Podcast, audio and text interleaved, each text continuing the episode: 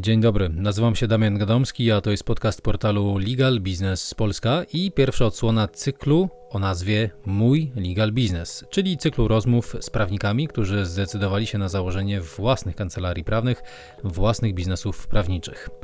Partnerem cyklu rozmów Mój Legal Business jest dostawca inteligentnego systemu do zarządzania kancelarią Advisor 247 Legal. Pod koniec października ubiegłego roku prawnicy związani wcześniej z kancelarią Penteris, Artur Swirtun, Tomasz Rysiak i Dawid Demianiuk otworzyli własną butikową kancelarię Legal Craft. Dlaczego zdecydowali się na taki krok? Jaka jest, jaka ma być ich nowoczesna, niezależna butikowa kancelaria? W pierwszej odsłonie cyklu Mój Legal Business rozmawiamy z dwójką z trójki założycieli, z Arturem Swirtunem i Dawidem Demianiukiem. Artur Swirtun z Magnusson, które później przekształciło się w Penteris, związany był przez 20 lat. Specjalizuje się w międzynarodowych transakcjach korporacyjnych i handlowych. Koncentruje się na szwedzkich i innych skandynawskich firmach z różnych branż. Dawid Demianiuk z Magnusson, później Penteris, związany był przez 11 lat.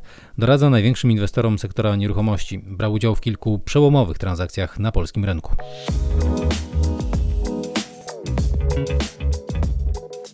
Dzień dobry panie Arturze. Dzień dobry. Dzień dobry panie Dawidzie. Dzień dobry.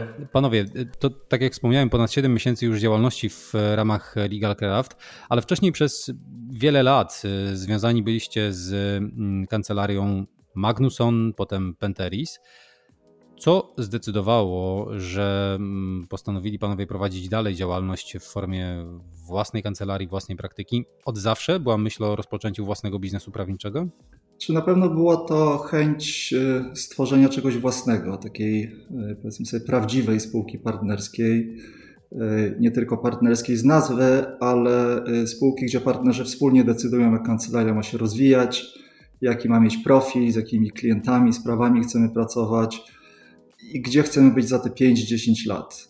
Spółki partnerskiej tworzonej przez przyjaciół z wspólną wizją. Mhm. Y, ja osobiście od wielu lat y, wręcz nosiłem się z zamiarem zakończenia kariery prawnika. Y, pracuję jako prawnik od połowy lat 90. Trzy lata temu zdecydowałem się na taki, można powiedzieć, nietypowy krok, na pewno nietypowy dla osób z naszej branży. Wziąłem wolne, tak zwany sabbatical, zabrałem żonę, czwórkę dzieci i pojechałem w podróż dookoła świata. Aha. Przez 8 miesięcy, które podróżowałem, tak naprawdę zastanawiałem się, co chcę zrobić ze swoim życiem. Z jednej strony nie chciałem kończyć kariery prawnika, z drugiej strony wiedziałem, że nie chcę dalej pracować w organizacji, która, z której nie czerpię przyjemności, a wręcz która mnie przytłacza. Gdy wróciłem do Polski, starałem się zmienić pewne rzeczy w byłej firmie, ale było to, powiedzmy sobie, zderzenie ze ścianą. I stąd pojawił się pomysł tworzenia czegoś własnego wspólnie z Tomkiem i z Dawidem. E, czyli wyjeżdżając z Polski, pan w ogóle zastanawiał się, czy kontynuować karierę prawniczą. Tak, tak. Przez te kilka miesięcy, przez te kilka miesięcy, mm, myśląc e, o swojej działalności i o branży prawniczej, doszedł pan do wniosku, że jednak działam dalej, tylko w innej formie. Tak, znaczy szczerze mówiąc nie ukrywam, że miałem takie marzenie wyjeżdżając, y, że a nuż jakiś kraj mnie zainteresuje tak bardzo, że może tam zostanę. Oczywiście miałem takie marzenie, nigdy nie byłem w Nowej Zelandii. Miałem jakieś takie wyobrażenie y, pięknego kraju, to jest oczywiście piękny kraj. Y, kupienie jakiejś farmy dla owiec i zostania farmerem. Miałem różne pomysły na życie ale tak naprawdę wracając stwierdziłem, że to co, to, co robię, to, co lubię robić, no to jest bycie prawnikiem, ale z różnych względów nie czerpałem już ani przyjemności, czy takiej przyjemności, jaką chciałem czerpać z tego, z tego zawodu. Oczywiście przez te wiele lat, kiedy pracowałem w Magnusonie, działo się też bardzo dużo dobrych rzeczy i było tam mnóstwo, czy jest mnóstwo wspaniałych ludzi. E, chociażby takimi ludźmi jest Dawid i Tomek, z którymi, tak jak powiedziałem, no chciałem, chciałem e, stworzyć coś wspólnego. E, jeżeli miałbym otworzyć spółkę deweloperską z kimś, to myślę, że też byłby to Dawid i Tomek, bo to są ludzie, którym po prostu ufam, są moimi przyjaciółmi mm. i, i, bardzo się cieszę, że, że zdecydowaliśmy się wspólnie na właśnie taki krok. Mm. Panie Dawidzie, to jak to było? Pan Artur wrócił z ośmio czy ponad ośmiomiesięcznej podróży dookoła świata i powiedział: Byłem w Afryce, byłem w Nowej Zelandii, ale to nie to. Chcę robić z wami kancelarię w Warszawie. Na pewno to był proces, do którego stopniowo wspólnie z Arturem dojrzewaliśmy. Gdyby wątek podróży jest nam obu e, bliski, dlatego że tak się składa, moja żona jest stewardessą, więc tworzymy dosyć taki nietypowy związek i nie ukrywam też, że mm, e, często śmieję się, że moim drugim zajęciem oprócz bycia prawnikiem jest, jest pogoń za moją żoną. Teraz, teraz już mniej, gdyż, gdyż, gdyż nasza rodzina niedawno się powiększyła, natomiast mhm. tak długo Gratuluję. ja... Dziękuję, dziękuję. E, ale tak długo jak moja żona była czyn, e, aktywna zawodowo, no to nie ukrywam, że miałem okazję odwiedzić podobne miejsca jak Artur i mieć podobne myśli jak Artur, co chciałbym e, w życiu dalej robić. Czyli też chciał być pan farmerem w Nowej Zelandii i podawać owce? Zastanawiałem się troszeczkę nad tym, w jaki sposób mógłbym postawić sobie nowe wyzwania, bo doszedłem do takiego mhm. momentu, że powoli zacząłem odkrywać, że miejsce, w którym jestem, nie jest mi w stanie zapewnić nowych wyzwań. E, a, a tak naprawdę budując wspólnie z chłopakami Legal, Craft, odkryłem to, że tak naprawdę zmotywować już nie było mnie w stanie do poszukiwania tych nowych wyzwań. I, I, bardzo możliwe, że, że jest to efekt wypalenia się pewnych wspólnych um, wizji na temat sposobu um, prowadzenia biznesu, bycia takim nowoczesnym prawnikiem. Dlatego jakby potrójnie cieszę się, że udało się nam zbudować miejsce, w którym myślę, że każdy z nas może realizować swoją wizję e, bycia prawnikiem, szczególnie w takich nietypowych czasach, jakie, jakie są przed nami. Myślę, że to jest e, duża zagadka, jak świat potoczy się po wyjściu z pandemii, kiedy z tej pandemii tak naprawdę na dobre wyjdziemy, czy tak naprawdę nie jesteśmy e, na naszych oczach, nie dzieje się zupełnie nowe, no, nowe otwarcie. I tutaj to jest taka kolejna rzecz, która mi się bardzo podoba, jak gdyby od początku, którą wdrożyliśmy z chłopakami, to że wydaje się, że na naszym statku, który zbudowaliśmy, o wiele łatwiej nam jest po prostu manewrować e, w, w tej nowej sytuacji. To każda osoba, która trochę żegluje, wie o tym, że im większa jednostka, tym wcześniej trzeba podejmować z dużym wyprzedzeniem pewne decyzje o, o, o choćby zawinięciu do portu, czy też obraniu nowego kursu. E, my się często śmiejemy, że mamy super luksusowy jacht, którym możemy bardzo, e, bardzo wygodnie, bardzo sprawnie poruszać się po, po, e, po oceanach spraw. No i, i, cieszę się, że cieszę się, że nam to tak, tak, tak, tak, tak się udało to, to, to, to wspólnie zbudować. Rozumiem w takim razie, co stało za decyzją o rozpoczęciu własnego biznesu prawniczego, mm, ale co było najtrudniejsze na początku? Już sama decyzja, czy to, co zaczęło się potem? Na pewno najtrudniejsza, y, najtrudniejsze było y, podjęcie samej decyzji. Co za, a co za tym idzie, y, również rozstanie z byłą kancelarią, z byłymi wspólnikami, którzy mam wrażenie, że dosyć mocno przeżyli nasze odejście. Za każdą cenę chcieli nas zatrzymać, potem utrudnić życie, e, ale udało się. E, udało się, jesteśmy szczęśliwi, że, e, że podjęliśmy tą wspólną decyzję. Oczywiście musieliśmy też się zmierzyć z szeregiem rzeczy i kwestii organizacyjnych, technicznych, chociażby takimi jak założenie spółki, rachunku bankowego, zakup nowego sprzętu, urządzenie biura, stworzenie strony internetowej. To były oczywiście rzeczy, które y, w starej strukturze, w starej firmie y, mogliśmy liczyć na pomoc, czy wręcz wyręczenie nas przez sztab osób y, zatrudnionych w dziale administracyjnym. Zajmowało to dużo czasu, ale ja się bardzo cieszę, że to zrobiliśmy sami. Zrobiliśmy to w sposób, który chcieliśmy zrobić. Było, był to też taki okres wspólnego tworzenia czegoś i bardzo się cieszę, że, ten, że przez takie również czysto techniczne, organizacyjne sprawy przeszliśmy. Panie Dawidzie, pan jak wspomina te początki, było coś, co, co szczególnie trudnego mm, w Pana ocenie mm, było na początku? Chyba o trudnościach e, nie patrzyłem na to e, w kontekście trudności. Wiadomo, to było pierwszy raz, kiedy e, tworzyliśmy taką organizację od samego początku, ale mieliśmy bardzo dobrze opisany i rozpisany plan tego, co chcemy zbudować, w jaki sposób chcemy to zbudować. to, co też Artur powiedział, że oczywiście w wielu aspektach można wynająć zewnętrzną firmę, która choćby zajmie się wybraniem, zajęłaby się wybraniem identyfikacji wizualnej, nazwy, logo firmy, i przedstawiłaby coś na zasadzie takiego gotowego schematu, ale mam wrażenie, że to w pewnym stopniu odbiera autentyczność takiemu e, przedsięwzięciu, bo tak długo jak się nie uczestniczy w kreacji e, e, brandu, kreacji strategii, to bardzo trudno jest później tą pozytywną energią zarazić po pierwsze dalszych współpracowników, a po drugie również przekazać to do klientów, mm -hmm. którzy też są. Rynek prawniczy jest bardzo mały e, w Polsce paradoksalnie. Wszyscy o sobie bardzo dużo wiedzą i otwarcie przez trzech partnerów o tak długim stażu pracy i wielu e, fajnych transakcjach na koncie nowego, e, nowego brandu zostało zauważone, więc dla nas szczególnie było ważne to, aby móc swoim lojalnym klientom wytłumaczyć, dlaczego to robimy, ale również absolutnie nie zamykać się na nowych klientów i być w stanie ich również zarazić tą pozytywną energią, którą, którą myśmy wnieśli do, do Legal Craft. Ja bym jeszcze chciał dodać, że e, otwierając, czy wręcz decydując się na otwarcie nowej firmy, wiedzieliśmy, że możemy liczyć na lojalność klientów, z którymi wcześniej e, pracowaliśmy.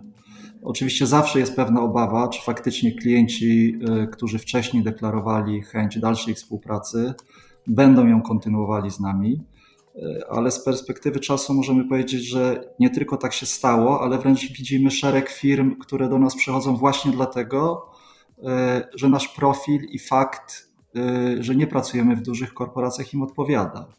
E, a mhm. cieszy to tym bardziej, że są to często firmy, które współpracują z największymi polskimi kancelariami, mają własne działy prawne, ale chcą pracować właśnie z nami, gdyż nas znają i wiedzą, że to, co robimy, e, robimy dobrze i znamy się na swoim fachu. Mhm. Ja założę się, że założę się, że wśród e, naszych słuchaczy również y, są tacy, którzy sami myślą o rozpoczęciu własnej działalności prawniczej, odejściu z kancelarii, czy założeniu y, własnej kancelarii z, też z grupą być może przyjaciół czy partnerów. I zastanawiam się, co według Panów jest najważniejsze na początku? Czy właśnie to, żeby mieć grupę lojalnych klientów i bez tego się nie da ruszyć? Znaczy ja myślę, że w nowym, tak jak zresztą chyba w każdym biznesie, ważne czy wręcz najważniejsze jest to, z kim ten biznes się tworzy. E, i powinni to być ludzie nie tylko pasujący merytorycznie do siebie e, i do danego profilu firmy, e, ale również tacy, których po prostu się lubi i którym się ufa. My mieliśmy nieco ułatwione zadanie, gdyż znamy się jak łyse konie. Przepracowaliśmy so, ze sobą przez paręnaście lat, chcemy ze sobą pracować, ufamy sobie i praca, dalsza praca ze sobą, stworzenie czegoś nowego było dla nas rzeczą oczywistą. Ja dodam, absolutnie istotną rzeczą jest pewnego rodzaju przekonanie i poczucie tego, że są klienci, którzy będą chcieli kontynuować tą współpracę. Natomiast ja myślę, że jeśli nawet ktoś nie ma takiego przekonania, to, to, to, to na pewno takich klientów można zdobyć w przyszłości, ale ważne jest przy tym, żeby startując z nowym biznesem w sposób jasny i czytelny określić pewne zasady współpracy. E, bo to pozwala na pewno uniknąć nieporozumień na przyszłość, choćby w momencie, kiedy takich klientów zaczyna się pozyskiwać. E, warto również jest przyjąć pewnego rodzaju e, fakt, że każdy ma swoje predyspozycje, którym warto się przyjrzeć, które warto odpowiednio zagospodarować, a nie na siłę próbować kogokolwiek wcisnąć w określony szablon, bo, bo, bo często tracimy możliwość bardzo ciekawej współpracy przez to, że patrzymy w, na daną osobę w sposób taki jednowymiarowy, czy pasuje do mojego szablonu. No, takie myślenie e, e mhm. e, outside box jest, jest dosyć istotne, budując nowy brand, szczególnie w tych czasach. I ja myślę, że my oczywiście mamy plany na dalszą ekspansję i, i, i, chcemy nowym ludziom, którzy do nas będą dołączali, przekazywać im wartości, które są szczere, które nie wymagają odczytywania z kartki, e, aby móc je przedstawić, bo wtedy tak naprawdę łatwiej jest je realizować i wymagać od innych i tworzyć, i tworzyć etos pracy w takim miejscu jak, jak Craft. Jasne, rozumiem. A patrząc właśnie na hmm, wizualizację panów kancelarii, To, to, co się wybija, to to, że wprost określacie się jako nowoczesna firma butikowa czy nowoczesna kancelaria butikowa. Co to właściwie znaczy? Znaczy, tworząc kancelarię, mieliśmy taką wizję, wizję, wizję kancelarii yy, właśnie butikowej, mocno wyspecjalizowanej, yy, nowoczesnej. Kancelaria, którą chcieliśmy stworzyć, i mam wrażenie, że po tych 6-7 yy, miesiącach możemy powiedzieć, że udało nam się stworzyć, to y, kancelaria, gdzie prawnicy nie są wyłącznie mecenasami, prawnikami, którzy y, doradzają klientom w sprawach prawnych, ale tak naprawdę są częścią zespołu klienta, gdzie klient przychodzi do nas y, nie tylko dlatego, że ma jakiś problem do rozwiązania, ale często konsultuje i dyskutuje swoje decyzje biznesowe z nami na bardzo wczesnym etapie. I pozwala nam to, ale również klientom uniknąć wielu problemów czy nieprzyjemnych niespodzianek w przyszłości a co za tym idzie, tak naprawdę osiągnąć najlepszy rezultat dla klienta. To, co Dawid też wspominał, pewne wartości, takie jak transparentność, komunikacja, szczerość, e, mocno wyspecjalizowany zespół ekspertów, e, to nie są dla nas wyłącznie slogany marketingowe, ale wartości, e, z którymi się wychowaliśmy. Ja się wychowałem w Szwecji, tam kończyłem szkołę podstawową, studia że tak powiem, te wartości mam w DNA i to są wartości, którymi kierujemy się na co dzień w naszej pracy z klientami, ale również w stosunkach e, do kolegów, koleżanek w pracy. A to nie da się tego osiągać w większych kancelariach również? Nie da się, to może za, za dużo powiedziane, ale na pewno nasza decyzja o tym, aby otworzyć butik który specjalizuje się, butik transakcyjny, w pewnym stopniu również wynika z naszych obserwacji tego, co się dzieje na innych rynkach e, prawniczych w Europie. Tutaj może przytoczę taką anegdotę, którą akurat e, związaną z, z, ze spotkaniem, które mieliśmy jakiś czas temu, pamiętam jeszcze w poprzednim miejscu pracy, gdzie na wykład został zaproszony profesor zajmujący się marketingiem e, firm prawniczych, który, który na tym spotkaniu jako jeden z takich e, wschodzących i umacniających się trendów e,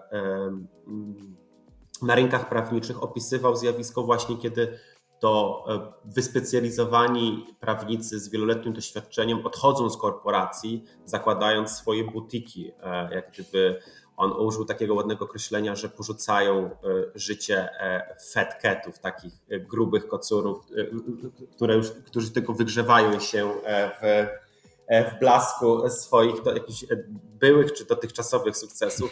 I może to jest poniekąd odpowiedź na pytanie, czy można, czy nie. Może faktycznie, skoro mamy do czynienia z takim trendem, to bardzo możliwe, że w dużej, sprawnej organizacji utrzymanie właściwego ducha jest możliwe ja jak gdyby takiego doświadczenia do końca nie mam. Wiem, jak to wygląda mhm. na, z perspektywy mikroorganizacji, gdzie, gdzie absolutnie takie wartości bardzo łatwo jest wdrażać i utrzymywać na co dzień. Mhm. E, wspomniał Pan, Panie Dawidzie, że e, właśnie e, Państwa kancelaria jest kancelarią transakcyjną, butikową. No, specjalizują się Panowie w transakcjach nieruchomościowych jak to się ma, rozmiar zespołu, mm, rozmiar pewnej organizacji do tych dużych transakcji nieruchomościowych? Czy, czy to nie jest tak, że część rynku, e, szczególnie w tym sektorze nieruchomościowym, jest poza zasięgiem mniejszych organizacji? To są często bardzo duże transakcje, wymagają bardzo dużych due diligence, szczególnie jeżeli mówimy o zbadaniu mhm. dziesiątek umów najmu chociażby. Mm. Znaczy, na pewno pojawiają się niekiedy wymagania kiedy w transakcji z uwagi na jej uwarunkowania e, musi się pojawić, nazwijmy to, duży brand. Tak? Czy to wynika z rozmiaru transakcji, czy to, czy to wynika choćby z wymagań co do wysokości polisy, czy też z wymagań, które są narzucone przez, przez fundusze, które takie, w takich transakcjach pracują. E, natomiast coraz częściej jest również tak, że mm, klienci poszukują przede wszystkim jakości w pracy prawnika, a niekoniecznie, a niekoniecznie, a niekoniecznie określonego brandu. To znaczy, my mamy bardzo, myślę, że bogaty osobisty track record y, spektakularnych transakcji, które mogliśmy zrealizować przez, przez ostatnie lata, choćby nabycie, doradztwo w, w procesie nabywania Warsaw Spire na rzecz dużego austriackiego funduszu. W tamtym czasie to była rekordowa transakcja na rynku biurowym w Polsce. I czy taką transakcję z perspektywy czasu oceniam, że absolutnie mały zespół ekspercki jest w stanie przeprowadzić, tak? bo są pewne procesy, które trzeba umieć umiejętnie automatyzować przy, e, mm, przy, e, w taki sposób, aby one były przede wszystkim efektywne, czyli przede wszystkim dobrze zarządzać zespołem. I wydaje mi się, że tak długo, jak, jak gdyby, jeżeli nie ma ścisłych wymagań, których formalnie butikowa kancelaria nie może spełnić, to, to przeprowadzenie dużej transakcji jest jak najbardziej w zasięgu butiku. W zasadzie to jest moim zdaniem cel, dla którego te butiki się zakłada, tak żeby być wyspecjalizowanym zespołem doradców przy tego typu transakcji. Znaczy ja właśnie myślę, że klienci właśnie angażując y, prawników przy dużych projektach oczekują raczej mocno wyspecjalizowanego zespołu, a nie faktu, że nad daną transakcją pracuje rzesza prawników. Y, I myślę, że tutaj nic się nie zmieniło w stosunku do naszych wcześniejszych y, doświadczeń.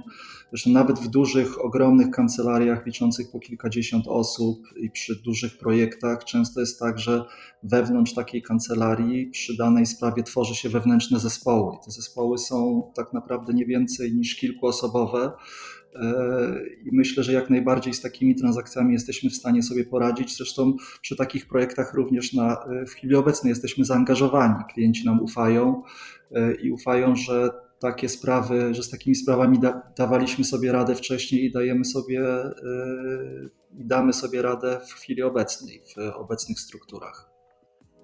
Z tego, co panowie mówią, wyłania się zatem wniosek, że mniejsze organizacje, butiki, mniejsze kancelarie mogą skutecznie rywalizować z dużymi korporacjami, międzynarodowymi kancelariami? Mm, absolutnie. Znaczy, możemy przede wszystkim, wydaje się, konkurować kompetencjami w dziedzinach, w których się specjalizujemy i mamy wieloletnie doświadczenie.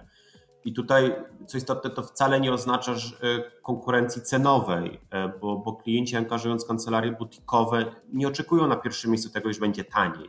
Oni poszukują jakości i, i tego, że ich sprawa będzie od początku do końca traktowana priorytetowo, a partner prowadzący, to o czym Artur wspominał wcześniej, staje się poniekąd członkiem zespołu. E, I wydaje mi się, że klienci mają rozmawialiśmy o tym bardzo dobre rozeznanie rynku prawniczego i oni coraz częściej zwracają się o pomoc do konkretnego nazwiska, do konkretnego zespołu, bo mają um, ugruntowane poczucie wynikające z ich doświadczeń, opinii innych klientów, że ten zespół, ta osoba poradzi sobie z ich sprawą. Ja tutaj mm, a propos właśnie takiej rywalizacji, mm, nie ukrywam, że z przyjemnością czytuję artykuły i wywiady pana mecenasa Krasnodębskiego, partnera zarządzającego Kancelarii Dentons w Polsce. I pamiętam, że jeszcze w 2019 roku opowiadał o takim trendzie dotyczącym rynku prawniczego, który opisywał za pomocą e, klepsydry. Mówiąc o tym, że na górze tej klepsydry są, wybijają się duże brandy, które się specjalizują w wielu dziedzinach, wzmacniają swoje zespoły, mają świetny track record. W środku tej klepsydry mm, były, mm, powiedzmy, taki rynek trochę polskich kancelarii albo bardziej niszowych brandów zagranicznych, natomiast na dole tej, tej klepsydry właśnie były kancelarie butikowe. Ja się zastanawiałem wtedy jeszcze w jaki sposób, że tak powiem, czy ten trend się odwróci. Natomiast relatywnie niedawno czytałem wywiad z, z panem mecenasem z tego roku, kiedy on już opisuje rynek prawniczy w troszkę inny sposób. E, posługuje się wtedy analogią mhm. nożyc, mm. które się coraz szerzej otwierają. I o, o dziwo jednym, z, e, jedną, jednym ramieniem tych, nazwijmy, ostrzem tych nożyc są właśnie wciąż um, duże brandy, które pełnią przekrojowe, są w stanie świadczyć przekrojowe usługi w takiej formule one-stop shop. Mają absolutnie rosną i wzmacniają swoje topowe praktyki, czy to są nieruchomości, czy to są ME, ale jednocześnie sobie mogą pozwolić na pewnego rodzaju innowacje, które są obarczone większym ryzykiem, otwarcie na przykład praktyki e, prawa dotyczącego dronów.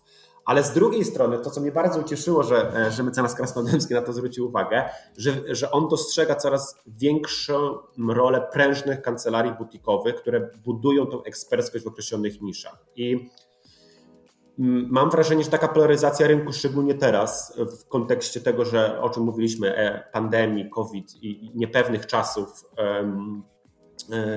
po, popandemicznych, ona, mam, odnoszę wrażenie, że będzie się odbywała z korzyścią zarówno dla tych największych, jak i dla tych najmniejszych graczy na rynku. Więc bardzo cieszę się, że to, co się kiedyś wydawało, mogło się wydawać odważnym ruchem, a, a i, i też dużą niepewnością e, w związku z otwarciem butików w tak nietypowych czasach, okazuje się, że było najlepszą decyzją, najlepszym, bardzo dobrą decyzją podjętą w bardzo dobrym czasie.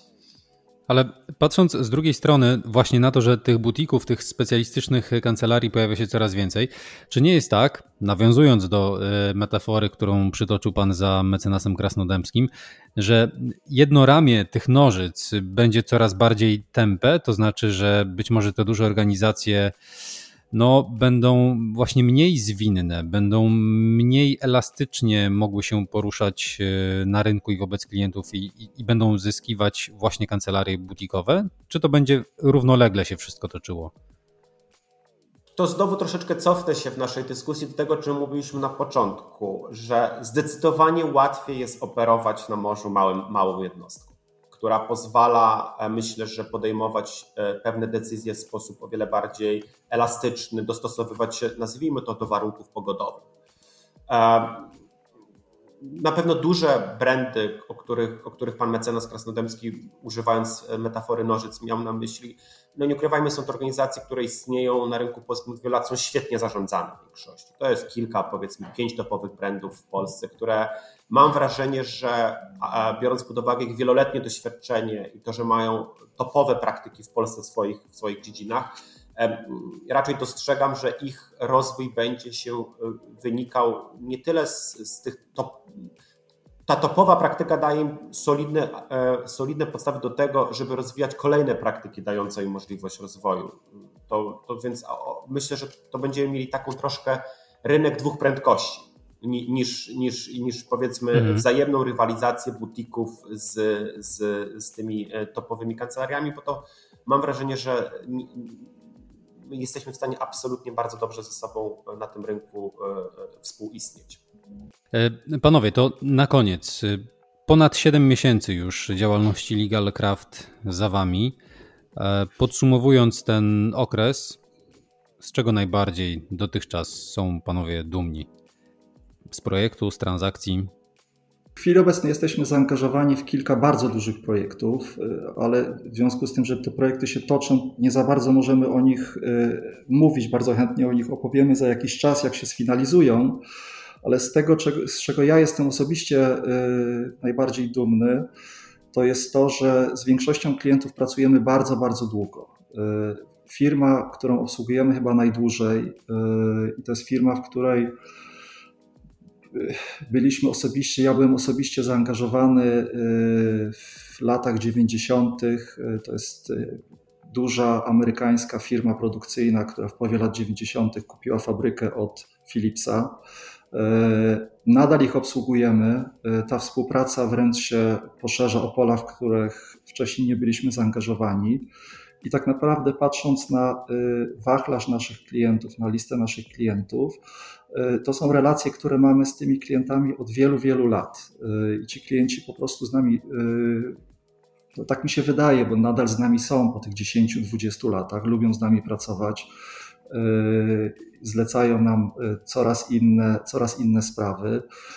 A w sprawach, w których wiedzą, że nie jesteśmy wyspecjalizowani, pytają, nam się, pytają nas się, gdzie mogą pójść, z kim mogą pracować. Znaczy, tak jak powiedzieliśmy na początku, traktują nas bardziej jak mecenasów, prawników, bardziej traktują nas jako część swojego zespołu, do którego można zawsze zadzwonić, porozmawiać, y, skonsultować, przedyskutować y, i z tego się najbardziej cieszę.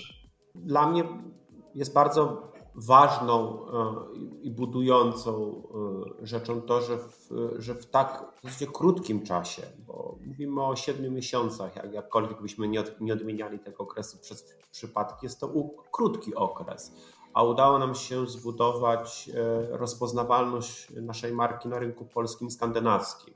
To jest to, jest to też, o czym Artur mówił, że, że wielu klientów, myśląc o nas, wie, że znajdzie właściwą jakość, której poszukują. I, i, i to jest. Mnie to podwójnie cieszy, bo, bo to z jednej strony jest to sukces e, nasz indywidualny, mój, Tomka, Artura, e, który umiejętnie udało nam się przekuć w kolejny sukces, jakim, jakim liczymy stanie się e, Legal Craft, bo to dopiero to jest dopiero początek, my się rozkręcamy. I to jest dobra puenta do tej, do tej rozmowy. Czekam z, wielką, z wielkim zaciekawieniem na te duże projekty, w które są panowie teraz zaangażowani. Chętnie o nich e, usłyszę. Tymczasem dziękuję za rozmowę. Gośćmi tego odcinka podcastu Legal Business Polska byli Artur Swirtun i Dawid Demianiuk, partnerzy, współzałożyciele kancelarii Legal Craft. Dziękuję bardzo. Dziękuję pięknie. Dziękuję. Thank you.